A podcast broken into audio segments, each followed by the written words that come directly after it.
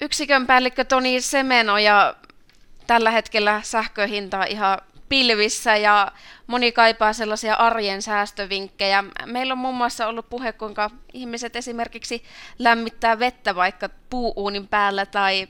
tai käy kylmässä suihkussa tai käyttää kodinkoneita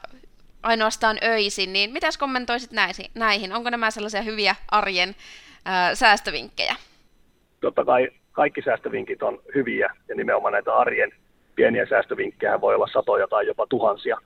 mutta kuitenkin jos lähtisi niin kuin sieltä liikkeelle, että millä saisi niin kuin eniten aikaan, niin pitäisi lähteä miettimään, että mihin, mihin sitä ylipäätään kuluu sitä energiaa siellä omassa, omassa tuota, niin, niin, kodissa. Pääsääntöisestihän se on aina niin, että lämmitys haukkaa suurimman osuuden siitä tuota energiankulutuksesta, jolloin se lämmityksen tehostaminen olisi niin kuin se ykkös, ykkösjuttu. Sitten sen jälkeen tulee sitten lämmin käyttövesi ja sitten, sitten lopulta sitten tämä viimeinen pätkä on sitten sitä niin sanottua kotitaloussähköä, eli kaikkia laitteita ja valaistusta, mutta että kannattaisi lähteä sitten lämmityksen tehostamisesta ensin liikkeelle. Tässä tulee tietysti ensimmäiseksi mieleen pohjoisessa on kylmät talvet, niin miten, miten sitten talvella kannattaa varautua, jos on mahdollista muuttaa esimerkiksi näitä lämmitysjärjestelmiä? No siitä mä päästäänkin juuri siihen. Itse asun nykyään Rovaniemellä, mutta Sevettijärveltä kotoisin, niin tuota,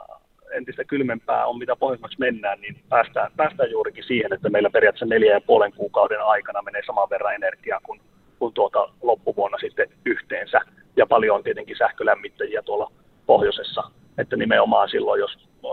pystyy sitä energian käyttöä sitten lämmityksestä miettimään, että totta kai aina voi käyttää tukilämmitysmuotona sitten puuta, jos on, jos on mahdollista, tai jos on hankittuna sinne ilmalämpöpumppu, joka nykypäivänä on melkein aina kannattava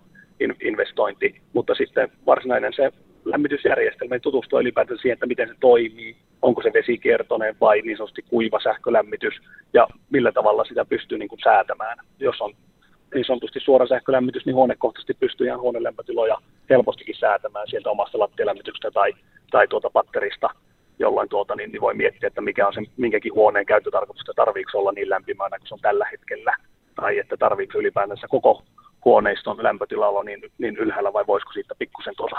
nipistää pois, mutta tietenkään ei ole tarkoitus olla, olla tuota untuva takki päällä sisälläkään, mutta sille niin järkevästi ajateltuna.